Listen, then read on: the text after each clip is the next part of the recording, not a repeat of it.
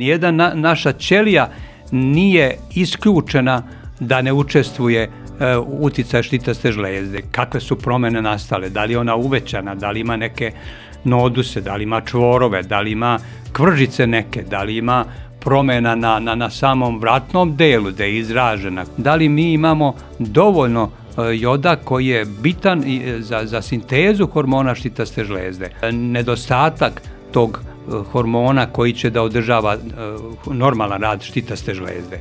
Znači, e, vidimo da je to zaista jedna neraskidiva veza, a ljudi uvek to odvajaju. Ja nekako kada prilazim čoveku i želim da mu pomognem, ja ga posmatam kao celoviti organizam i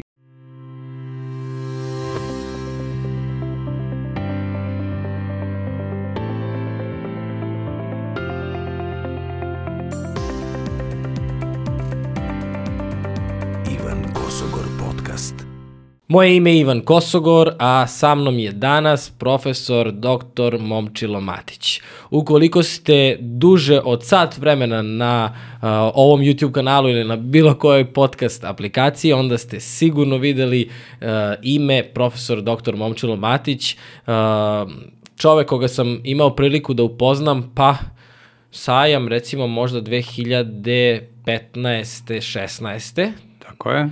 I tada smo se upoznali, ja sam uh, kupio vašu knjigu, vi ste mi potpisali i onda kada smo pokrenuli podcast 2019. stupio sam u kontakt sa vama, od tada ste, pa boga mi već domaćin ovde. Snimili smo sigurno jedno 7, 8, ako ne i desetak, desetak emisija, desetak tema i ono što je meni onako a, puno srce jeste kada vidim komentare gde ljudi kažu kao da sam kod tog čoveka išao a, na fakulte, kao da mi je predavao. Jer, jer zapravo jeste, toliko smo stvari, toliko ste stvari podelili sa nama i a, objasnili da čak i neko ko nikada nije, mi smo se šalili da ja mogu sada da idem na prijemni iz medicine, i, da, pripremili ste me. dobrodošli, dobrodošli još jednom u podcast. Hvala ti na pozivu. Evo, posle, kažem, nekog vremena, kada nisi bio ovde, e, nismo ni snimali ništa i raduje me da smo ponova počeli da snimamo neke emisije koje će sigurno gledalcima e, pomoći da reše neki problem ili bar da se upoznaju sa svojim problemom koji imaju i da drugome prenesu te informacije i to bi bilo dovoljno da, da damo takve neke informacije koje su bitne za ljude, više sa aspekta prevencije, znači da sprečimo nastanak bolesti, što jeste moj cilj generalno u svim mojim sferama izučavanja i svem onome da ja pomažem ljudima je znači prevenirati, sprečiti nastanak bolesti, a i lečiti je kroz metode koje se primenjuju u prevenciji ljudi koji, koji su slušali, mislim, pr prvenstveno i ja, uh, ne samo da, kao što ste sada rekli, uh, da se u, ukazuje na neki problem, već se i pokazuje na koji način može i da se preventiše, ali u, sva, u slučaju da je već došlo do neke komplikacije. Da se pomogne u lečenju uz druge terapije. Terapije konvencionalnih pristupa, prosto rečeno. Jer mi ako imamo ako ne rešimo uzrok nastanka nekog poremeća zdravstvenog, bilo koji da je uzrok, da li je to organ jetra, da li je to štitasta, da li je to bubreg, da li je to e, želudac ili bilo šta, neki mentalni poremećaj, uvek postoji uzrok. E, prosto ne možemo e, pričati nešto da ne postoji uzrok, možemo reći da ne znamo uzrok, da ga još nismo na, e, ispitali ili ga nismo pronašli, ali da ne postoji uzrok, to je nemoguće praktično, tako da za svaku bolest, za svaki zdravstveni poremećaj, bilo da li je on nekog manjeg obima ili je ozbiljniji ili e, bilo šta da nas se dešava u telu na osnovu određene simptomologije, mi možemo za, o, znati da postoji neki uzrok. Pratimo te simptome, tražimo uzrok i tada ćemo mnogo pomoći našem organizmu da rešimo naš problem koji je nastao u e, poremećaju e, zdravlja našeg tela. Vraćanje zapravo organizma u ono njegovo funkcionalno i celinu jeste. Da, celinu. Danas pričamo o štitastoj žlezdi. Vi ste me ispravili pre nego što smo krenuli da snimamo. Uh, ja sam do sada pričao štitna žlezda, ali zašto štitasta? Pa eto, ja sam konsultovao ovaj, neke stručnjake, da kažem, koji rade sa jezikom i predaju jezike. Posebno je stručnjake srpskog jezika i oni su mi rekli da je e, štitasta žlezda, pošto je u obliku štita, u stvari leptira, ali više štita, to je bio prvobitni prvobitno kazivanje o štitastoj žlezdi, kako ona izgleda, onda su rekli da od imenice, e, zapravo od e, štita, imenice ide štitasta, a ne štitna. No, u našem narodu i opšte upotrebi je ukorenjen i taj izraz, tako da neće biti greška da ljudi neće razumeti o čemu se radi.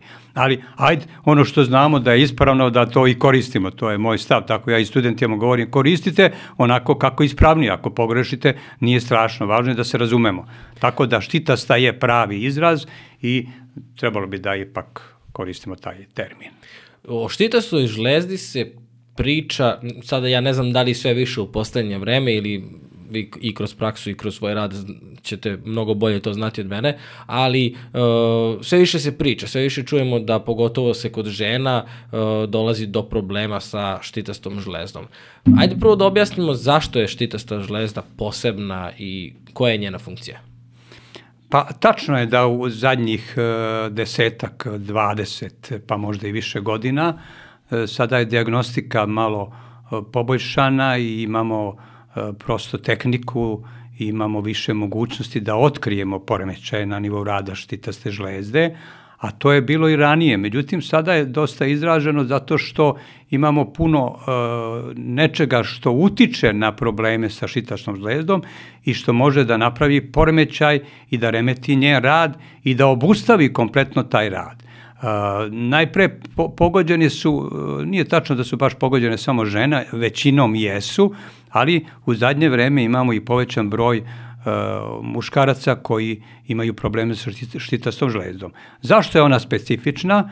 Pa uh, specifična je zbog toga što je jedna od redkih endokrinih žlezda koja svoje hormone ubacuje u sobstveno tkivo, prosto rečeno, pa ih onda iz svog tkiva deponuje, zapravo tu se deponuju, a onda ih ubacuje u krvotok u onim količinama koje su neophodne za normalno funkcionisanje našeg tela. Dakle, štitasta žleza ima u sebi po građi svoje folikule, to su u stvari te glavne ćelije, a onda su folikule obložene tim, tim bazalnom membranom, a u bazalnoj membrani imamo e, kao jedan redenik e, ćelija koje su kockastog tipa i u njima se nalazi tireoglobulin. Tireoglobulin zapravo te kockaste ćelije ubacuju tireoglobulin u folikule i one proizvode te naše hormone, najpre tiro, tri, tiroksin, znači T4, triotironin, T3 i imamo između tih ćelija uh, imamo takozvane C ćelije koje proizvode kalcitonin. To je opet treći hormon, a imamo i ovaj diod trinonin, to je T2 zapravo, e, koji nema neku veliku funkcionalnost, ali u svakom slučaju možemo ga spomenuti. Dakle, štitasta žlezda i sa te strane specifična, zato što ima jednu specifičnu građu. Ona je e, ona nije tako velika, negde od 10 do 20 grama je njena težina, ali ima e, izvarednu funkcionalnost koju ćemo reći kasnije, ali u principu ona e, je e, tako homogena i prokrvljena dobro. E, šta to znači ako je prokrvljena? Znači ima arterije koje dovode krv i, i, i hranjive sastojke u samu žlezdu i ima one vene, posebno vezane sa venom kavom, gde se odlaze te toksični materijali. Dakle, pristupnost štitastoj žlezdi je veoma laka, zato ona jeste podložna raznim poremećajima, posebno ako se e, nepravilno hranimo, ako ne radimo neke stvari koje su važne za šitastu žlezdu ili izazivamo određene poremećaje na njoj, zato što se lako dođe do nje. Znači nije ona nešto mnogo, ona jeste homogena, ali je e, lako prijemčiva za ulazak pravih hranjivih sastojaka i svega onoga što je štiti od razboljevanja i remećenja njenog rada, ali isto tako i za intoksika, odnosno detoksikaciju da izbacuje otrove iz tela. Otud je ta štitasta žleza tako važna i osobena, posebno osobena po svom sastavu i po svojoj građi. A šta je dovelo sada, slušajući vas, šta je dovelo do toga da se u posljednjih nekoliko godina, uh, da je ona tako na udaru prva? Uh, da li je to naš uh, stil života, da li, su to, da li je to hrana koju jedemo? Šta je uzrok? Pa jeste, ovaj, možemo to sve reći da je istina, znači i hrana koju uzimamo i te kako deluje, pošto štitasta žlezda učestvuje u metabolizmu kao ključna uloga njena je kompletan metabolizam našeg organizma, ne samo metabolizam hrane, nego i sve ostalo što je vezano za metabolizam, kako za bazalni metabolizam, zato i za, i, i za sve ostale te radnje, dakle ona ima e, mnogo funkcija, znači nijedan uh, naš organ, nijedan na, naša ćelija nije isključena da ne učestvuje uh, uticaj štitaste žlezde. Ona se direktno vezuje za jedro naših drugih ćelija i za receptore tih gena na jedru i svojim tim vezivanjem utiče na rad drugih hormona, na rad drugih struktura, eh, enzimskih struktura i svega ostalog u našem telu. Dakle, ona je uh, stalno u vezi, ona je uh, povezana sa se, celim našim organizmom i otud svi ti udari putem, kažem, hrane koja može da poremeti njen rad, zatim putem stresnih stanja ili mentalnih poremećaja koji ta, takođe mogu da poremete njen rad, možda je to i ključno u zadnje vreme, te neprijatne emocije koje izazivaju stresna stanja. Mi kad govorimo o stresu mislimo da je to zapravo emocija. Stres je nije emocija u punom smislu. Stres je pojava koja nastaje kao posljedica neprijatnih emocija, a opet te neprijatne emocije proizvode određene hormone koji će pospešiti nastanak stresnog stanja, dovesti naš organizam u stres, kao što je recimo hormon kortizol u prvom redu, adrenalin i drugi hormoni, ali u svakom slučaju, znači to je jedan veliki uticaj na štitastu žlezdu da se ona razboli. Zatim, nedostatak fizičke aktivnosti radi njene prokrvljenosti, radi njene e, e, detoksikacije, isto tako, onda neke genetske mutacije koje se mogu desiti, onda isključenje nekih gena koji regulišu rad naše štitaste žlezde, onda nedovoljno komunikacije dobre sa drugim hormonima, kao što smo rekli, posebno sa hormonima hipofize, koja je ključna u kontroli rada štitaste žlezde s jedne strane, jer taj tiroidno stimulirajući hormon koji je luči hipofiza, a pre toga se u hipotalamusu stvara TRH, onda imamo znači e, kontrolu koliko će se proizvodi, on stimuliše rad tiroksina T4 i triotironina, zapravo iz T4 e, se pretvara u, u T3 i imamo aktivni hormon u krvotoku koji je u nekim minimalnim količinama, kao što smo rekli. Znači, dopinguje se iz tih e, folikularnih ćelija.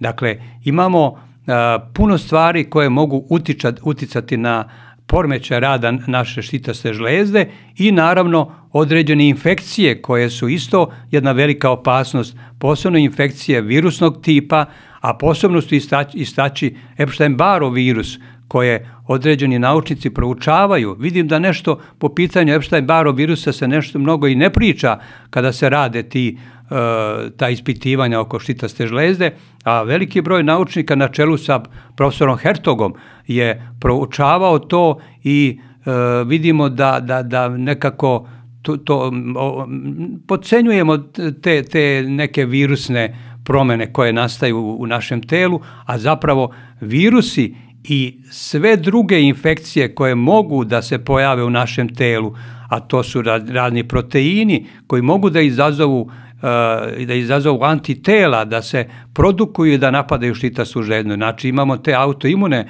bolesti među kojima spada i štitasta žlezda kao što je Hashimoto, jel, hipo i hipertirotizam. Tako da znači i sa te strane, znači proteini koji se ne svare dobro, znači varenje hrane je izuzetno važno za to, jer se stvara sindrom propustljivih creva. Kad imamo sindrom propustljivih creva, onda dolazi do ulaska određenih proteina koji nisu svareni i ti nesvareni proteini izazivaju naš imunni sistem, posebno M ćelije koje se nalaze u enterocitama u našem tankom crevu i daje se informacija drugim imunnim ćelijama da se ovaj, proizvedu i da stvore antitela i imamo napad, jer određeni proteini mogu ličiti na tkivo štitaste žlezde. Naravno, imamo i druge poremećaje koji mogu izazvati, uh, da kažem, morfološke promene ili organske promene na štitastoj žlezdi. Recimo, virusi mogu da bukvalno rečeno izbuše štitastu žlezdu da bude sva izrešetana onako, a da mi nemamo u to vreme nikakve simptome ako slučajno ne radimo kontrolu ili tako dalje. Tako da te autoimune bolesti su veoma karakteristične i ne samo kod šitaste žlezde i kod drugih naših organa i poremećaja, imamo ih negde skoro preko 87 za sada i one su razlog stvarno napada ili neadekvatnog odgovora našeg imunog sistema na uh, odgovor koji dolazi od tih antigena, jer svih tih jedinica neprijateljskih koje ulaze u naše telo. Pre nego, pre nego što nastavimo o autoimunim bolestima, samo želim da podsjetim ljude koji sada slušaju da smo mi pričali o tome kako funkcionišu i kako rade naša creva i sada kad ste spomenuli sindrom propustljivih creva, to me odmah me asociralo sećam se, ovaj, tema je zaista veoma, veoma važna i i te kako ima ogroman uticaj na, na naše zdravlje. A što se tiče štitaste žlezde, gde se ona tačno nalazi u tijelu, ako možete da, da pokažete? Pa štitasta žlezda se nalazi tu negde oko uh, u donjem delu vrata, znači iznad sternuma, iznad sternalne kosti, tu je i grklem blizu i tu imamo znači taj deo, jako je pristupačna, može lako da se o, diagnostikuje sa ultrazvukom uh, i nije nikakav problem. Znači, kažem, nije ona nešto ni velika, iza nje se nalazi paratiroidna žlezda koja ima ulogu uh, regulisanja kalcijuma i fosfata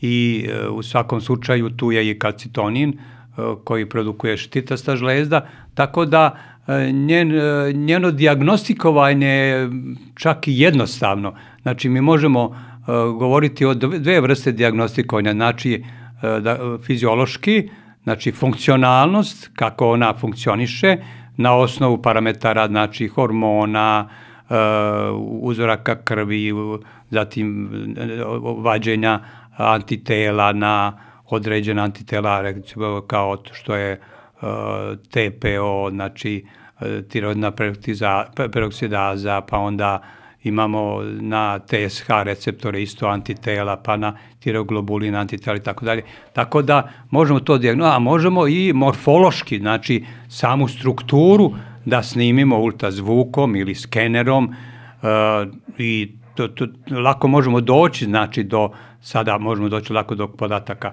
kako funkcioniše, kakve su promene nastale, da li je ona uvećana, da li ima neke noduse, da li ima čvorove, da li ima kvržice neke, da li ima promena na, na, na samom vratnom delu, da je izražena kod od bazodeljove bolesti i gresove i tako dalje. Tako da e, veoma je jednostavno je diagnostikovati i treba da zaista se povede računa o tome jer svi ti simptomi ne moraju biti ni adekvatni, a da e, nam govore uvek da se radi o, o štitastoj žlezdi, znači o njenom poremećaju, već mogu biti i simptomi neki drugi, ali u svakom slučaju moramo uh, određene simptome koje ćemo spomenuti da vidimo, da proverimo rad naše štitaste žlezde, jer prosto rečeno, bez dobrog rada štitaste žlezde nećemo imati dobro zdravlje. Jednostavno, organizam, ako prestane rad štitaste žlezde, organizam više ne može da funkcioniše.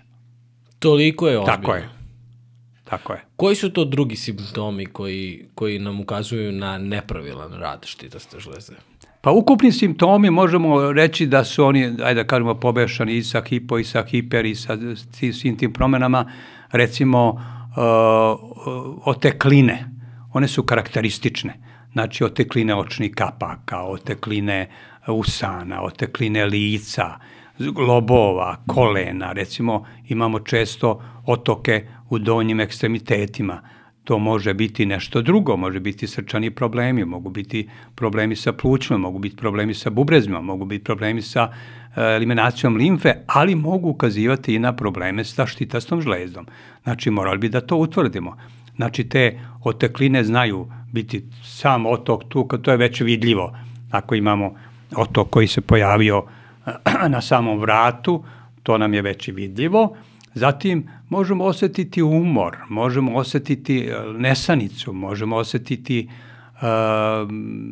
recimo depresiju, posebno jutarnju depresiju. Možemo osetiti nemir, možemo osetiti uzrujanost u telu, nervozu, napetost, sporost, usporene pokrete, usporene radnje, onda gubljenje na težini ili dobijanje na težini. Znači sve to može. Možemo osetiti poremećaj u apetitu, možemo osetiti promene u, na, na nivou vida, možemo osetiti uh, promene i, i u smislu infekcija, da nam budu po, po, povećane in, uh, infekcije. Zatim možemo osetiti uh, da, da nam mišići podrktavaju, da uh, zatim možemo osetiti i kosto, kostobolju neku i promene na zglobovima u smislu nekih bolova.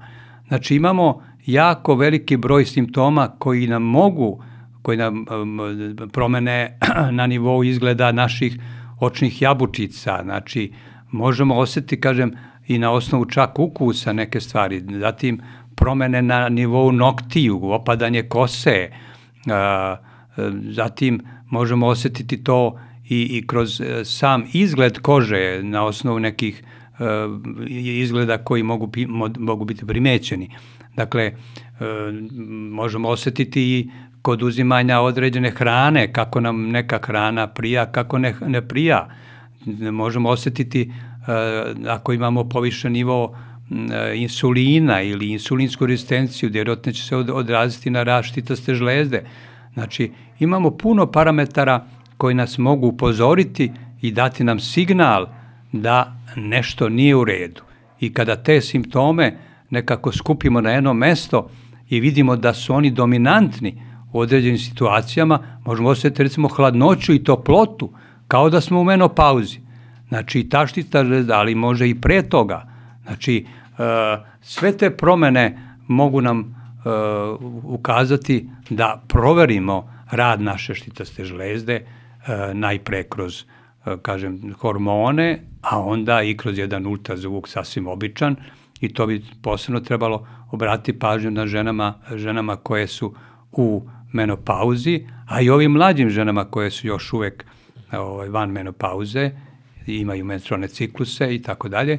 Tako da to su važne stvari da na vreme otkrijemo nešto. Kažem, kod određenih stanja kao što je hipertirotizam, mi možemo to mnogo lakše zapaziti e, zato što su izraženi neki simptomi kao što su recimo mršavljanje, gubljenje na težini, pa onda recimo dekoncentracija, pa loš san, pa onda palpitacije, znači srčana, srčana aritmija, povećani rad srčanih frekvenciji i tako dalje, znači napetost, nervoza i to. Ali kod hipo teže to osetimo zato što ona nekako nečujno ide, posebno kod autoimunih bolesti. Kod autoimunih bolesti čak možemo imati povišena antitela da ne osetimo uopšte nikakve promene u, u, u radu ili da one idu postepeno, idu uh, malo pomalo, pa tek kad dođe do, otkrijemo nekad da, da bude štitasta zleda, kažem, baš prilično dobro uništena i onda vidimo da ima da su već postojala antitela koja nismo na vreme zapazili i primetili i tu možemo isto uraditi puno tim kontrolama možda je najbolje i onda ćemo vidjeti ako imamo recimo te autoimune bolesti uh, ili povišena antitela na TPO peroksidazu, onda moramo da vidimo zbog čega su ta antitela povišena. Zašto su ona povišena?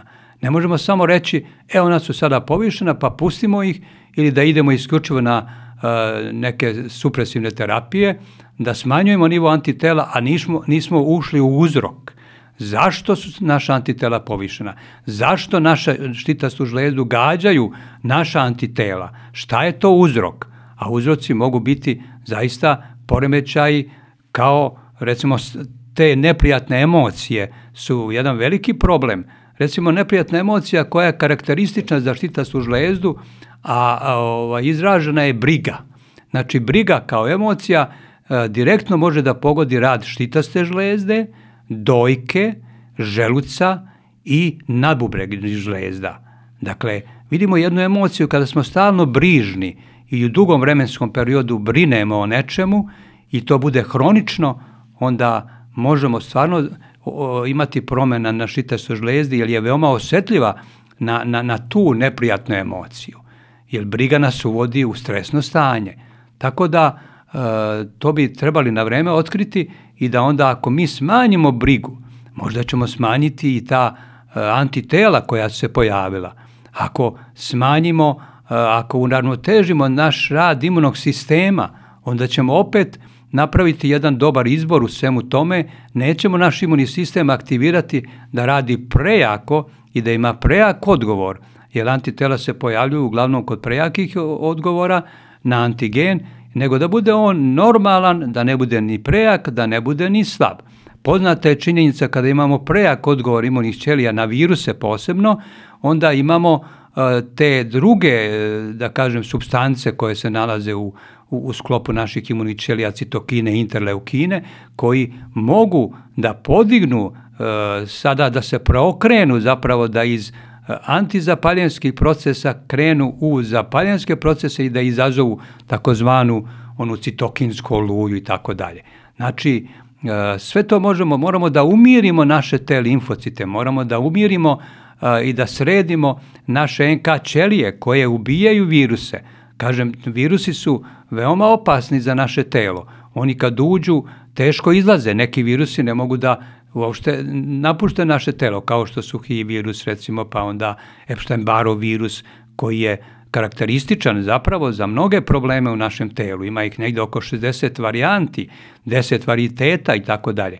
Znači, nekako mi se slabo govori o tom, to je ona mononukleoza, recimo u drugoj fazi Epstein-Barovog virusa ili bolest, bolest poljupca, ona je u drugoj fazi izaziva mononukleozu. U trećoj fazi mogu da, može da napadne Epstein-Barov virus štitastu žlezdu i da je stvarno ošteti u dobroj meri i da bude proizvodnja i tih antitela i oštećenja štitaste žlezde baš veliko bude, da bude oštećenje.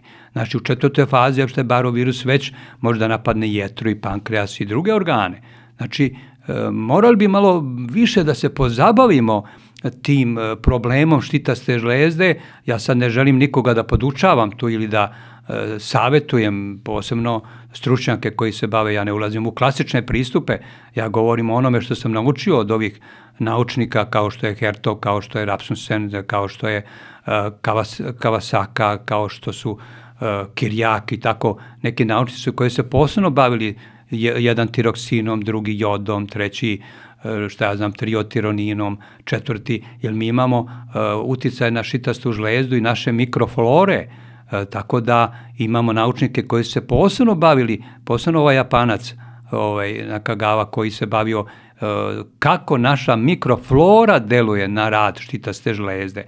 Tako da postoji dosta tih podgrupa i naučnika koji su posebno obratili pažnju na samo određene segmente, jer e, sinteza e, tih hormona u štitastoj žlezdi ide iz tirozina i joda, znači veoma je bitno da li mi imamo dovoljno e, joda koji je bitan za, za sintezu hormona štitaste žlezde a opet moramo voditi računa i koliko unosimo tog joda i da li ga ima dovoljno u hrani. Naravno da ga nema.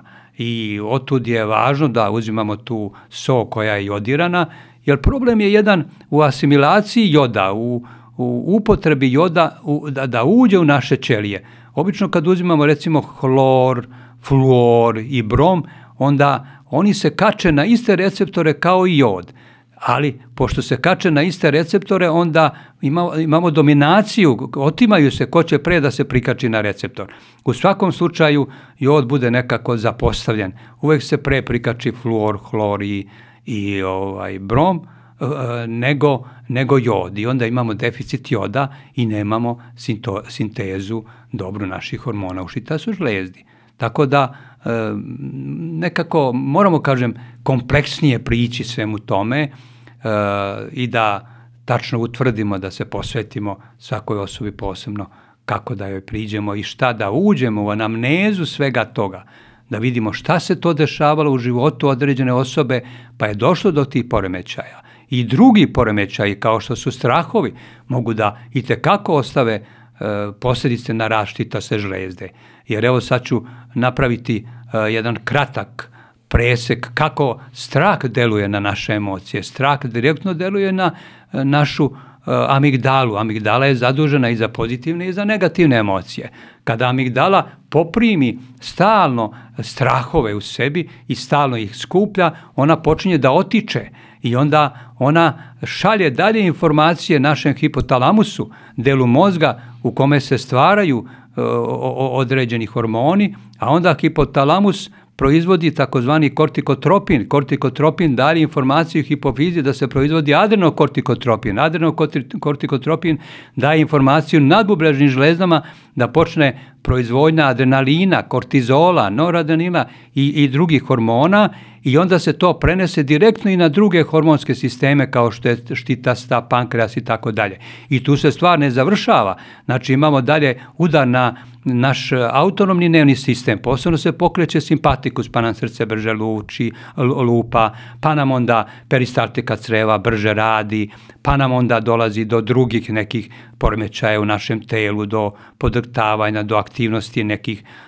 mat, e, substancije koje nisu poželjne i tako dalje. Dakle, ceo organizam je uzdrman, ceo organizam je uzbuđen i to, e, to, to se prenosi na, na, na sve naše organe u telu i na, i na sve što se dešava u negativnom smislu. Pa se onda kroz, na, kroz taj način mi imamo u našem telu ćelije koje fiziološki treba da rade i da to bude rast. Mi to zovemo rast ćelija.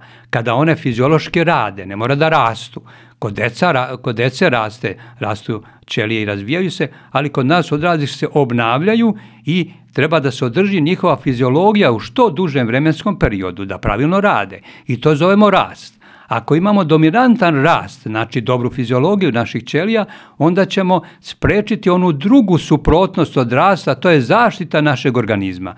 Mi treba da štitimo organizam, ali povremeno. A ako, ako je zaštita mnogo velika i ako stalno lučimo kortizol i adrenalin da nas štite od napada i strahova koji proizađu, akutnih strahova, onda je to dobro povremeno. Ali ako to hronično traje, ako je organizam stalno u zaštiti, stalno se štiti od nečega, pa on će da propadne u jednom trenutku jer neće moći više da se štiti, jer nemamo rast, odnosno fiziologiju, funkcionalnost naših ćelija da pravilno rade. Dakle, vidimo koliki je to sistem, kako to se divno funkcioniše, ali mi ne razmišljamo o tome koliko možemo to poremetiti i našim uh, ličnim uticajima proizvedeni u unutrašnjosti našeg organizma i uticajem sa strane iz okoline na koji ponekad ne možemo mnogo i da, i da utičemo.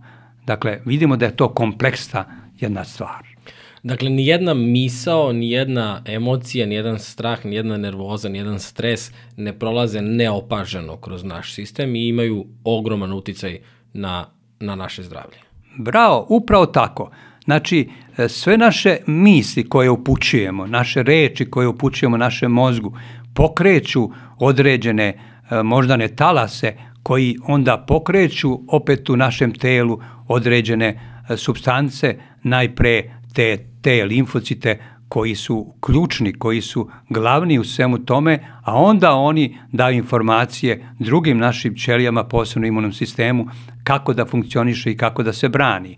I tako se pokreće sve i tako imamo odbranu ili nemamo odbranu, mi naše gene zaista moramo da aktiviramo one gene, da bacimo akcenat na aktiviranje onih gena koji će da nam pomognu i koji smo nasledili dobre gene da njih aktiviramo kao da ne, uvek činimo nešto da deaktiviramo te dobre gene i da uključimo one gene koji nisu dobri. A to možemo učiniti opet našim ponašanjem, našim mislima, našim opterećenjima, našim, uh, da kažem, lepim uh, ponašanjem u smislu prema sebi. Uvek volim da istaknem da nekako zanemarujemo sebe kao telo, kao um, kao celinu jednu ljudsku, koja treba da najviše obrati pažnju na to koliko smo mi vredni, koliko mi, ne mislim bukvalno vredni da radimo, nego koliko smo mi vredni kao ličnost, koliko smo mi vredni kao živo biće, koliko treba da poštujemo i cenimo sebe, isto tako i neke druge e,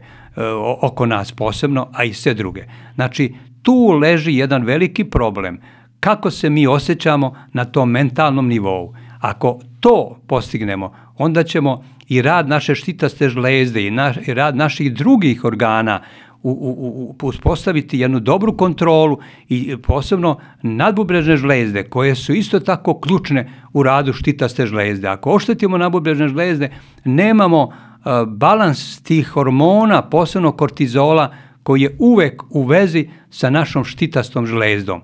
Ako je uravnotežen, evo o tome recimo redko ko priča, ja nikad nisam čuo da neko radi uh, kortizol, recimo da se vidi kakav je nivo kortizola. Redko se to radi da bi se proverio rad štitaste žlezde. Jer uravnotežen odnos kortizola, a kortizol mora biti znači u dovoljnoj koncentraciji, ne sme biti ni maloga, niti ga sme biti puno. Ako ga ima malo, on, onda imamo probleme koji mogu izazvati slabost u organizmu, nekontrolu nekih, e, recimo, ko blokira kada se završi akutno stanje stresa ili kada smo izloženi nekom napadu, kortizol je taj koji istovremeno zaustavlja tu reakciju ubrzanu i stop. Ako ga nema dovoljno, onda ne vredi. Dalje, iz kortizola uh, nastaju i drugi neki steroidni hormoni. Znači, mi imamo čitavu, čitavu jednu plejadu tih hormona koji nastaju jedan iz, iz drugog. Pričali smo o tome malo, kortizol je znači ključan za rad drugih hormona, posebno insulina i, kažem, posebno utiče na rad štitaste žlezde. Ako je on pretarano aktivan, on će poremetiti rad štitaste žlezde. Ako ga nema dovoljno, opet. Dakle, pitajmo se, kada je u pitanju štitasta žlezda, kakav nam je kortizol, da li je on uravnotežen, da li je on u normalnim koncentracijama ili nije i onda da rešavamo problem nadbubrežnih žlezda, jer ako kortizol nije u funkcionalnosti normalno i ravnoteži, znači da imamo problem sa korom nadbubrežne žlezde koja i proizvodi taj kortizol. Dakle, jedna stvar. Druga stvar koja je bitna kada je štitasta žlezda povezana sa hormonima je insulin. Znači, insulin kao uh, hormon je i tekako povezan. Znači, uh, posebno kod insulinske rezistencije, da nemamo mogućnost da insulin ubaci glukozu u naše mitohondrije. Pa vidimo, uh, loš rad štitaste žlezde može da utiče na loš rad naših mitohondrija. Uh, prosto rečeno, uh, dobar rad štitačke žlezde održava dobro stanje mitohondrija, a mitohondrije su organele za proizvodnju energije u našem telu. I one, one imaju sobstvene e, sobstveno deljenje, imaju svoje DNK, znači ako je štitasta žlezda dobra i radi pravilno, ona će da održava deljenje tih mitohondrija po potrebi. Ako nam treba više energije, one će se podeliti i proizvodit će više energije. Ako nam treba manje, onda će proizvoditi manje energije. Ali kod insulinske rezistencije mi imamo tu problem, zato što dolazi, obično ona dolazi zbog povišene hrane koja ima taj visok glikemijski indeks, gde insulin ne može da to dobro kontroliše i onda ulazimo u gojaznost i često kažemo, aha, to je zbog šitaste žlezda, u stvari nije nego to je gojaznost zbog insulinske rezistencije i dobrog e, izostavljenog balansa insulina u našem organizmu. Dakle, vidimo da je insulin isprepletan, prosto rečeno, sa e, hormonima štitaste žlezde. I ako je e, nivo insulina povišen, može da blokira e, T4, da ne pretvara se u T3, odnosno triotironin i da imamo e, nedostatak tog hormona koji će da održava eh, normalan rad štitaste žlezde.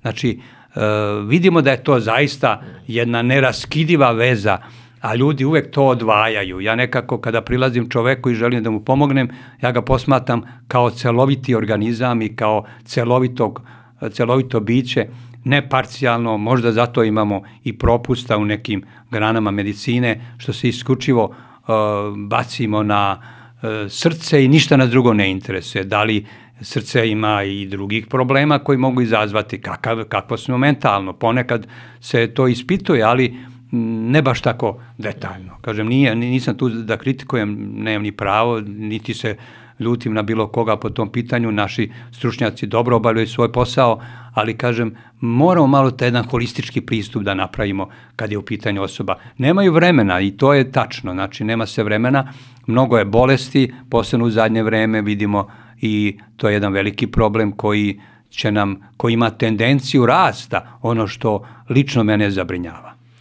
Sad slušajući vas, napravio sam nekakvu sliku u glavi projekciju svega ovo što ste rekli, ako uzmemo da je recimo telo jedno kraljevstvo i da neki farmeri obrađuju zemlju i kraljevstvo uđe u rat, to je na primjer strah ili tako nešto, ti farmeri moraju da idu da se bore i onda niko neće obrađivati tu zemlju, neće biti rasta, razvoja, neće biti hrane i tako dalje. Tako da zapravo mi imamo jedan određeni broj ćelija, odnosno uh, u našem sistemu mogućnosti kako da ili ćemo se razvijati ili ćemo uh, se štititi i braniti. Ne možemo izbalansirati to u smislu da se konstantno štitimo i da konstantno razvijamo. Tako da sam dobro napravio tu sliku u smislu da moramo da vodimo računa o tome i kako se hranimo i kako živimo, ali isto tako i kako mislimo i uh, koliko zapravo dopuštamo sebi da mm, koliko imamo u stvari vremena mi da budemo nervozni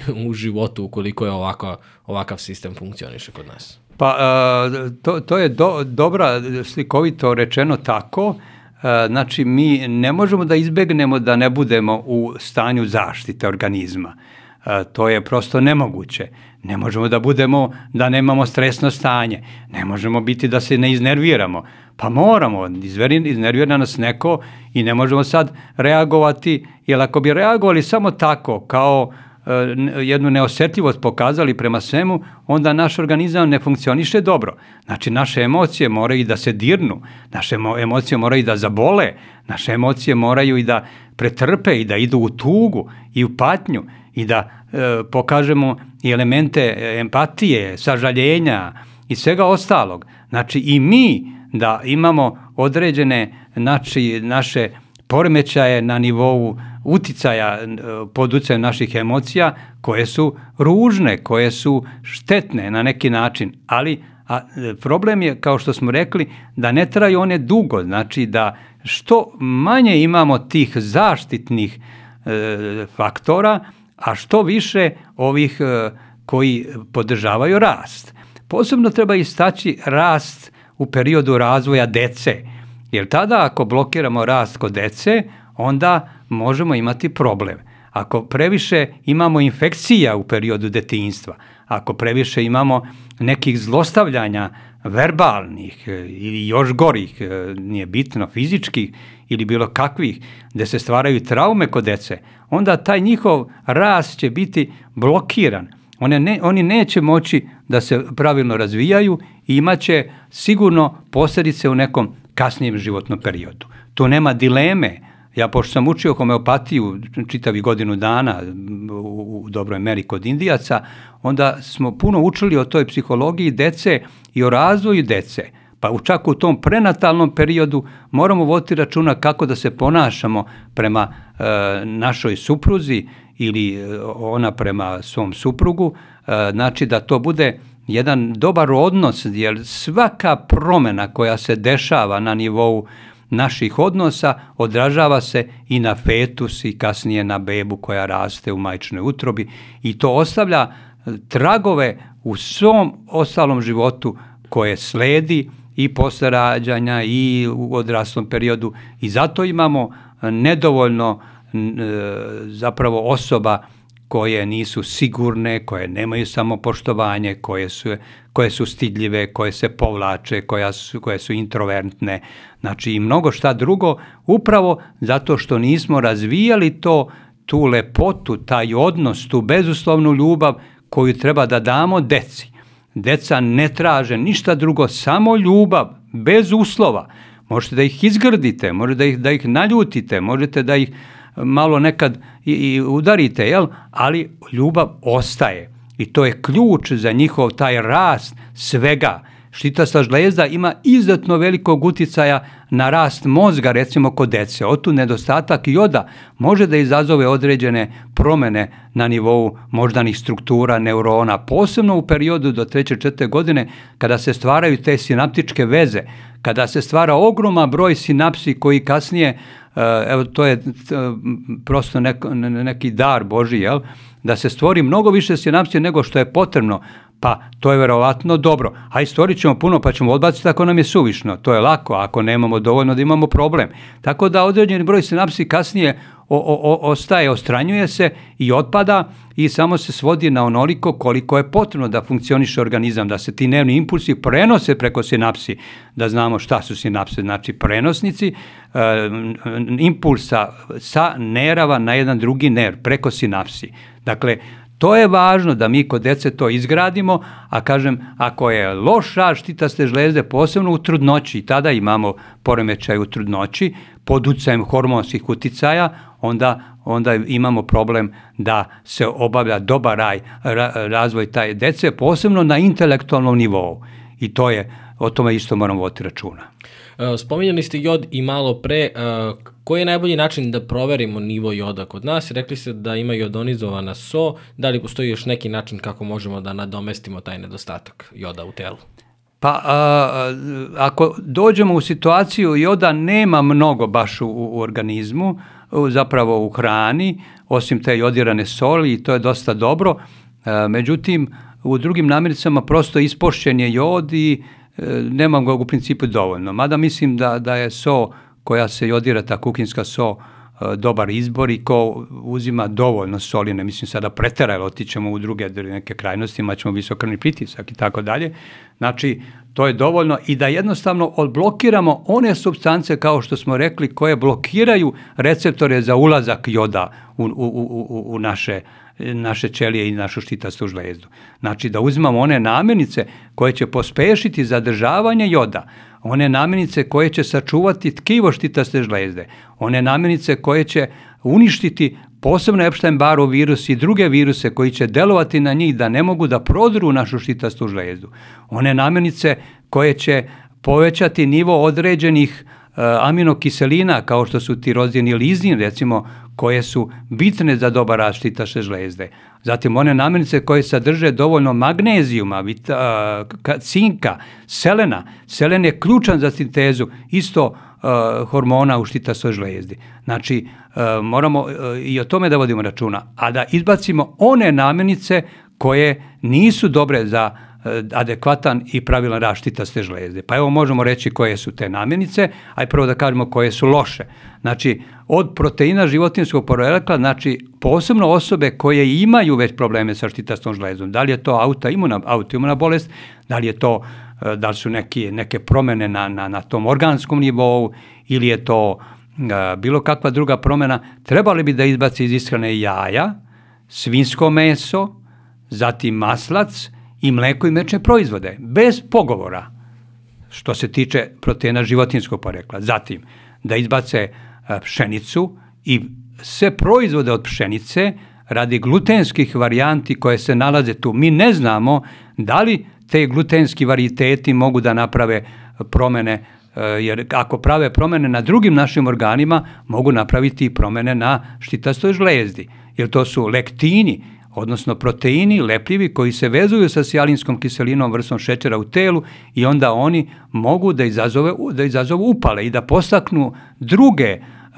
substance koje mogu da izazovu upale, recimo da podignu nivo homocisteina i tako dalje. Zatim, uh, trebali bi da izbacimo ulje od repice, recimo, koje je interesantno. Zatim da izbacimo kukuruz isto uh, i da izbacimo soju.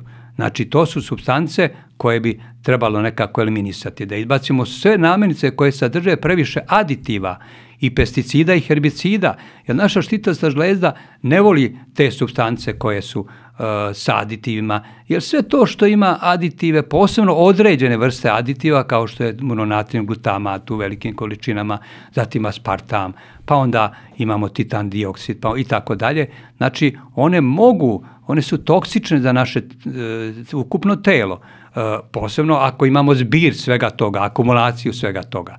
I onda teški metali isto tako. Znači određena hrana sadrži teške metale koji dolaze u štitastu žlezdu i oštećuju je, dolaze u jetru, a jetra je povezana sa štitastom žlezdom.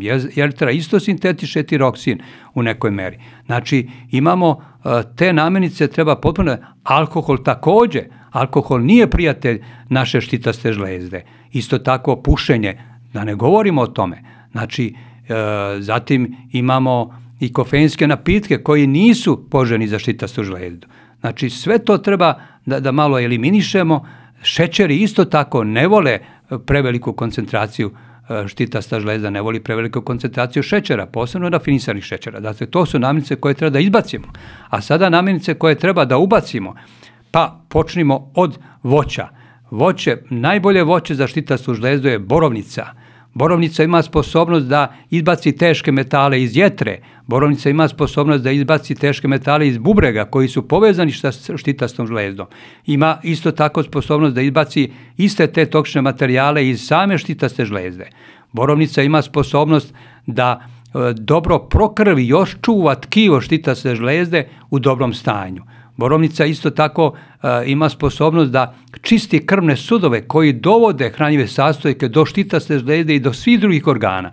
Govorimo o šumskoj borovnici. E, zatim imamo kupinu. Kupina ima sposobnost da popravi oštećenu štitastu žlezdu. Kupina ima sposobnost da dovede dovoljno gvožđa i borovnica isto u našu štitastu žlezdu. Jer štitaša žlezda ne može raditi ako nemamo dovoljno gvožđa. Anemija isto može biti problem i, i, i kad je u pitanju B12, nedostatak i tako dalje.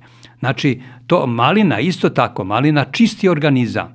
Malina u sebi sadrži određene substance koje e, štite e, štitastu žlezdu od virusa i nekih bakterijskih infekcija, posebno virusa. Dakle, vidimo da je bobičasto voće u prvom redu koje može biti odlično. Avokado isto tako odlično deluje na Eh, eliminaciju Epstein-Barrov virusa koji je prisutan i neki drugi virusa. Znači može sprečiti da ne dođe do tih autoimunih bolesti i tako dalje. Zatim imamo uh, od voća bananu koja isto tako svojim nivoom kalijuma koji je bitan za rad štitaše žlezde, uh, dovoljno i magnezijuma da pospeši dobar rad štitaše žlezde. Zatim imamo recimo jabuku. Jabuka ima sposobnost putem svojih pektina i određenih kiselina da štiti štitastu žlezdu i da ne dozvoljava da Epstein-Barov virus i drugi virusi uđu i napadnu štitastu žlezdu. Znači, imamo krušku isto koja ima slične efekte. Znači, vidimo da od tog voća e, imamo velike koristi i da treba da preferiramo na uzimanju onog voća koje će da održi dobar rad štitaste žlezde, pa i drugih organa. E, mango isto tako. Dakle, od voća vidimo da skoro nema namirnice koja je nešto mnogo štetna za, za, za naše zdravlje kad je u pitanju voće. Od povrća imamo recimo artičoku koja je odlična, ona ima u sebi određene substance koje mogu da spreče ulazak virusa i da oštećenu štitašu zvezdu na ne, neki način oporave. Rukola isto tako, zelena salata isto tako, karfiol, da, ovamo sam zaboravio reći da nije dobro kupus i, i kelj, to, to nisu dobre namirnice za štitastu žlezdu, ali zato karfiol nije loš, karfiol može da se koristi. Spanać isto tako u nekoj meri može da, da, da, da pospeši dobar raštita se, da samo ne, ne preterivati sa njim. Zatim, e, nije dobro uzimati e, ovaj celer u obliku e, lista ili u obliku drškica onih, zato što on ima psoralene koji imaju veliki problem oko štitaste žlezde, ne, ne ugrađuju se dobro i mogu da deluju negativno, ali celer korena može biti od koristi. Zaboravio sam napomenuti nešto što je najvažnije i najopasnije za štitastu žlezdu, a što se preporučuje, u tome i jeste tajna velika uh, oko rada štitaste žlezde, brazilski orah. Brazilski orah nije dobar za štitastu žlezdu, zato što uh, tačno je da sadrži puno selena, ali sadrži i puno prirodnog radijuma, odnosno radioaktivnog materijala i to čini mi se da tu informaciju nemaju endokrinolozi. Našao sam još par e, osoba, lekara koji e, su to pronašli kao istraživanje i otud, znači, to je paradoks davati e, brazilski orak osobama koji imaju poremećaj rada štitaste žlezde radi selena. Znači ne, naprotiv treba ga izbegavati. Dakle, to, to je dosta važno od povrća imamo krastavac. Krastavac ima sposobnost recimo da svojim tim tečnim sadržajem prosto napuni oko vratnog dela taj limfni, limfne sudove i da se poveća proizvodnja limfocita koji će da se bore sa virusima koji se napali štitastu žlezdu. Dakle, vidimo i da je krastavac veoma dobar. Trešnje isto tako. Zatim imamo od povrća i krompir. Krompir sadrži u sebi uh, lizin i tirozin, aminokiseline koje povećavaju i štite štistašu zvezdu od napada, od čvorova, od svi tih promena, e, da kažemo, morfoloških ili organskih. Susam isto tako ima lizin i tirozin, e, te dve aminokiseline koje su ključne i važne za, za, za njen rad. I imamo, ja kažem, još puno tih namirnica koje, znači, to voće, to povrće, pa onda imamo namirnice uh, iz biljnog porekla, recimo, uh, dobar je matičnjak koji uspavljuje i daje mir, jer štitasta žlezda voli mir u, u telu organizma, ona ne voli uznemiravanje, ona radi najbolje kada smo smireni, kada je smirenost prisutna u našem telu, onda ona najbolje funkcioniše i teško se oštećuje ako je u tom smirenom stanju. A matičnjak ima ulogu da smiri našu štitastu žlezdu, odnosno da smiri nas ukupno i da deluje indirektno i na to. Bosiljak isto u nekoj meri. Zatim imamo ašvagandu, jednu uh, biljku koja je jako dobra, posebno kod poremećaja rada štitaste žlezde hipo i tu možemo isto da je koristimo ženšen i tako dalje, ali to već treba malo i proučiti i videti da li svako može da koristi, ali imamo i neke kontraefekte od nekih, na, od nekih tih biljaka koje, koje se daju. Zatim, e, od, od žitarica možemo uzimati ovas u nekoj meri, jer sadrži taj triptofan koji opet podiže nivo serotonina i daje jednu smirenost i daje sreću i zadovoljstvo, pa onda možemo koristiti od mahunarki, e, recimo pasulj, isto ima triptofana, od uh, semenki uh, možemo semenke bundeve, zato što imaju cinka i tako dalje. Znači, vidimo da hrana od proteina životinskog porekla možemo u nekoj manjoj meri, ne treba preterivati sa namirnicama životinskog porekla generalno u opštu očuvanju dobrog zdravlja. Nisam zato da se isključuje, ali treba ga koristiti umereno, jer ne treba da jedemo puno hrane, to ja često volim da ponavljam. E, malo je dobro, e, to kažu i, i, i, ovaj, i, la, i latinjani i otud ne treba preterivati u, u tome pauca sed bona, malo je dobro, tako kažu latinjani. Znači, eto vidimo šta se može da deluje dobro na našu da uzimanje dovoljno tečnosti, posebno vode, je isto tako važno, za dobar raštita sa žlezde, da se transportni putevi oslobode. Naravno, ne treba da uzmemo, to smo malo ispomenuli, alkohol nikako, ni u kakvim količinama, to može biti posebna tema o kojoj ćemo pričati, ali u ovom slučaju ne.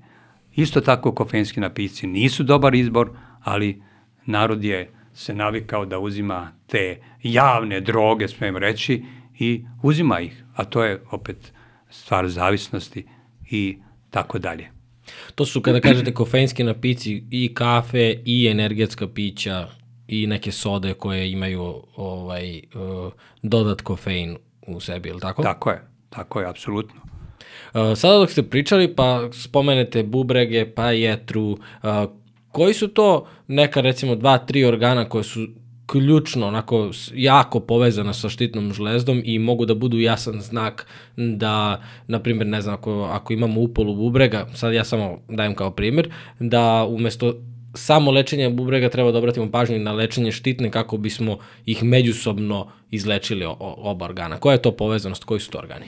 Pa najčešće su povezani organi e, jetre, zatim srce, Znači, e, nepravilno rad štitaste žlezde odražava se na e, srčane aritmije, na e, srčane, čak može dovesti do određenih e, srčanih dekompenzacija, zatim, e, znači, ako je naša jetra intoksinirana, ako ona dobro ne radi, onda će i štitasta žlezda loš, loše raditi, znači jedna na drugu apsolutno deluje, onda e, pankreas isto tako, znači kao što smo spomenuli, Znači, e, dobar rad pankreasa e, se je uvez, uvek sa, uvez sa štitasnom žlezdom, nadbubrežne žlezde takođe. Zatim, bubreze isto tako. Znači, skoro da nema nekog organa, naš mozak, znači gubitak pamćenja, zatim dekoncentracija, moždane ćelije, e, isto imaju veze sa radom naše štitaste žlezde. Znači, vid isto tako može biti poremećen zatim mišići, uticaj znači na mišićni status, na taj određeni stepen izdržljivosti, dobrog stanja, znači mišićnog tkiva, skeletnog sistema, sve to isto može imati određenog uticaja.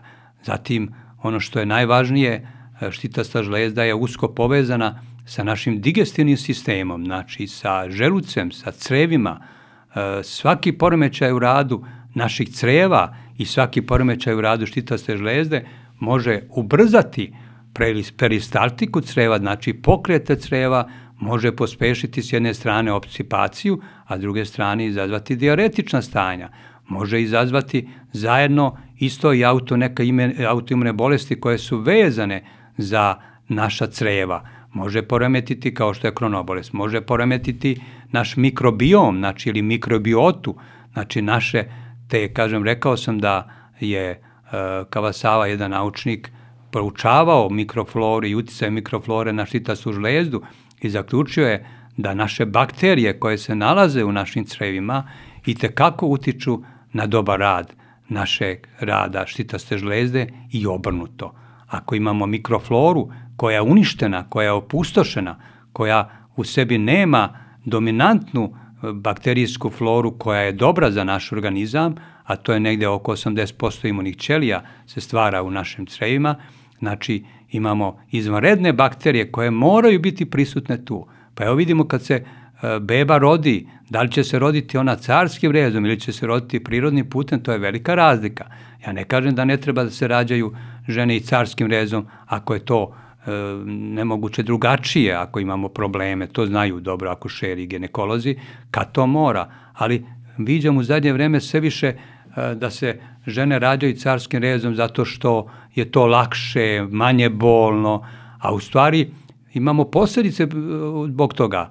Crevna flora bebe se stvara najbolje ako je rođena prirodnim putem, jer u crevnoj flori vaginalnoj crevnoj vaginalnoj flori nalaze se određene bakterije kao što su lactobacillus i bifidum bakterije koje su ključ i osnova za razvoj imunog sistema, znači funda, fundament za razvoj mikrobiote u dečijem to malom telu kod bebe. I ako se, ako se radi carskim rezom, da već ima drugi problem. Nemamo te bakterije koje su fundamentalne. Kako ćemo ih kasnije nadoknaditi, to je sad pitanje.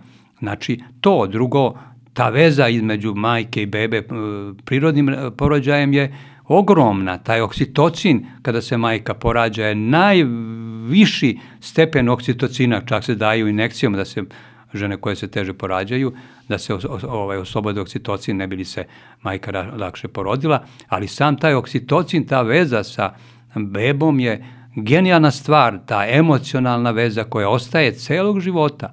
Znači, vidimo da taj disbalans na nivou mikroflore može uticati na štetnost ili da dođe do disbalansa i u, i u nivou ravnoteže hormona, a posebno na štitastoj žlezdi. Mi imamo u našim crejima jednu, jednu divnu bakteriju koja se meni mnogo dopada, ali to može biti druga tema, eh, Akkermansia mucinofila. Ona tačno se nalepi na zidove creva i ima, uh, njeni geni proizvode sluz i ta sluz štiti naša creva od oštećenja i ne da da izađe toksični materijali iz našeg debelog creva posebno i ti metaboliti loših bakterija, teški metali, to su metaboliti, to vole naše, naše loše bakterije u crevima, ne da da uđu u krvotok i time spašavamo naše organe, među njima i štitastu žlezdu. Isto tako, prisustvo određenih parazita mogu da izazovu ogromne promene u našem organizmu i da izazovu uticaje na štitastu žlezdu neposredno ili posredno. Tako da e, možemo zaključiti da je štitasta žlezda povezana sa svim, ima svog uticaja direktno na sve moguće poremećaje, a posebno istakli smo metabolizam, na toplotu, na hladnoću, na regulisanje temperature i svega ostalog. Znači, a isto tako povratna sprega je tu stalno prisutna, ali najbolje funkcioniše ta sprega, znači hipofiza, štitasta, nabubrežne žlezde. O je, to je ins, e, pankreas, to je jedna, jedna linija koja stalno utiče jedna na drugu. E, za nekoga ko je sada slušao i e, želi da proveri uh, svoju štitnu železdu, rad, pomenuli ste malo pre da treba da proverimo i neke hormone, uh, kome da se obrati, gde i šta da traži od Pa, a, najpre a, trebalo bi da, pro, da oseti određene simptome koji mogu biti karakteristični koje smo spomenuli. Znači, taj osjećaj vrućine, taj osjećaj hladnoće, e, naglo mršavljenje, naglo gojenje, e, infekcije, e, zatim e, nesanica, lom noktiju, opadanje kose, one sve, znači, kad osetimo određene simptome, onda bi trebali pomisliti da među njima može biti i poremećaj rada štitaste žlezde. Ako to osetimo, obratimo se najpre lekaru e, specijalisti opšte medicine, koji će da, te simptome e, pogleda, razmotri i zaključit će da li se radi o potrebi da se urade najpre hormoni štitaste žlezde. Najpre se radi te SH, znači taj tiroidno stimulirajući hormon koji se nalazi ovaj, u hipofizi i on reguliše te odnose i takozvani F4, to je taj slobodni hormon koji se nalazi u cirkulaciji. Ako ta dva parametra budu dobra, onda je to prilično zadovoljavajuće, znači imamo dobar, dobro prisustvo ovih hormona, triotironina u našoj cirkulaciji.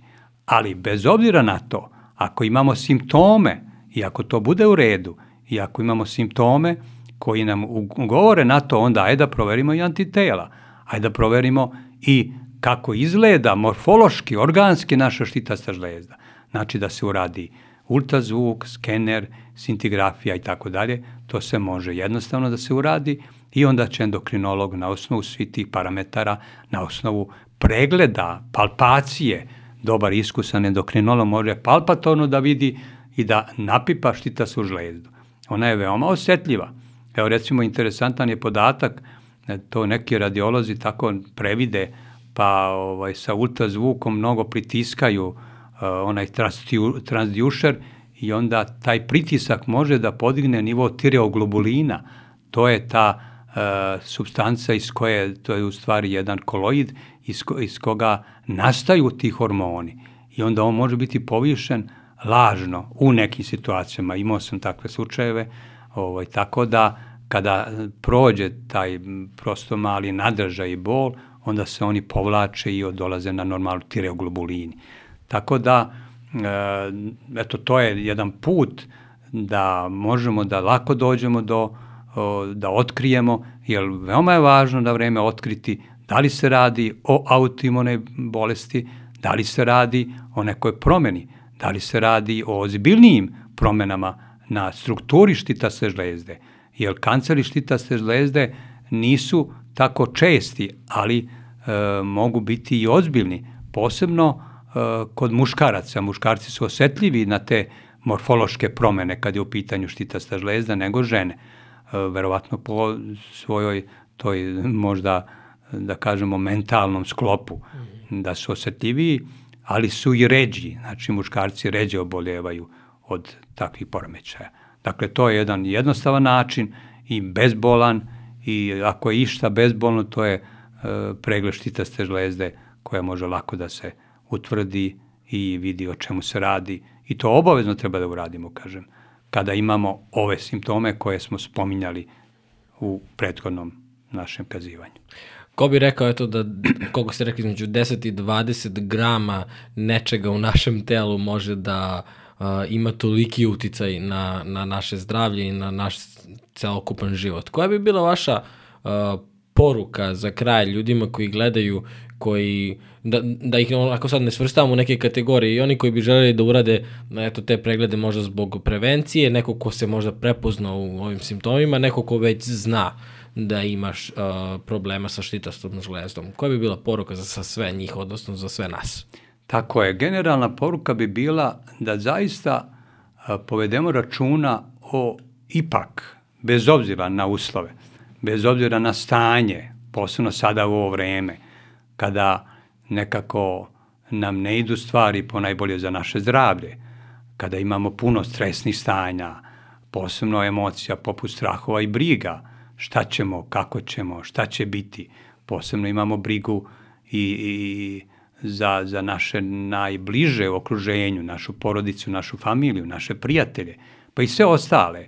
Treba da zaista budemo e, empatični za sve ljude na, na, na ovom svetu, za, za sve ljude koji e, su isti kao i mi, znači da nemamo mržnju u našem telu, jer mržnja je veliki problem isto, ona može da postakne rad štitaste žlezde u nepravilnom smislu, može da je ošteti. Znači, ta zloba, mržnja, nezadovoljstvo, zavi, e, zavist u, u smislu, da kažem, eto, te ljubomore ili svega ostalog. Znači, sve ono opraštanje, ako ne opraštamo ljudima, mi stalno onda imamo u glavi i u našem posvesnom umu sliku u šta mi je on učinio i to nas stalno proga, proganja. Osećaj krivice isto tako.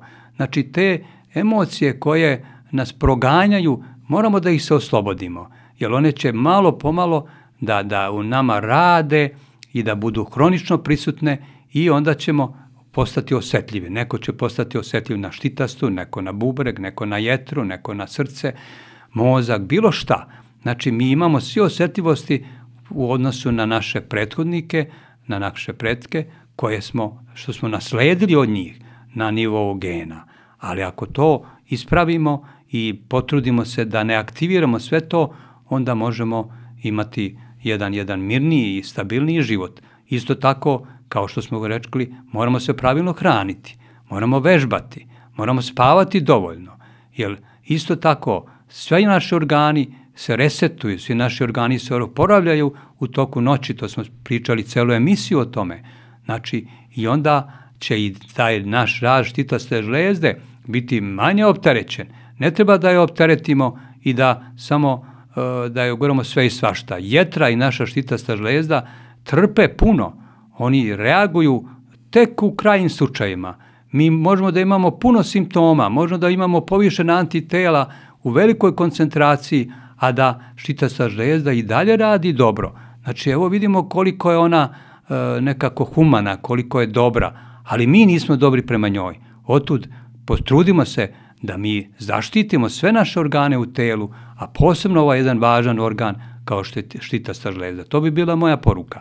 Znači, malo zavolimo sebe, mislimo o sebi lepše, bolje, vrednujemo sebe i čuvajmo svoje zdravlje, zaista ga imamo samo jedno, ali ne čuvamo ga dovoljno, mi lično, a onda neće ni drugi da čuva naše zdravlje ako mi to ne čuvamo.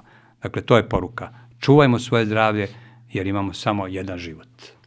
A to je ono što, što je mene toliko privuklo prvo u vašoj knjizi, a onda uh, i kada smo se upoznali kroz podcast i onda kroz sve naše susrete, to je taj upravo taj sveobuhvatni pristup koji ne izostavlja apsolutno nijedan aspekt uh, našeg života. Hvala vam puno uh, što ste još jednom došli ovde kod nas, što ste odvojili svoje vreme i što, to uvek kažem, ali prosto moram da napomenem što toliko nesebično delite svoje znanje, što ste i dalje istraživački nastrojeni prema, prema svim ovim temama i što pa mogu slobodno da kažem spašavate živote. Mislim da su ovo informacije koje redko gde mogu da se, da se pronađu danas, a apsolutno su dostupne svima zahvaljujući, zahvaljujući vama.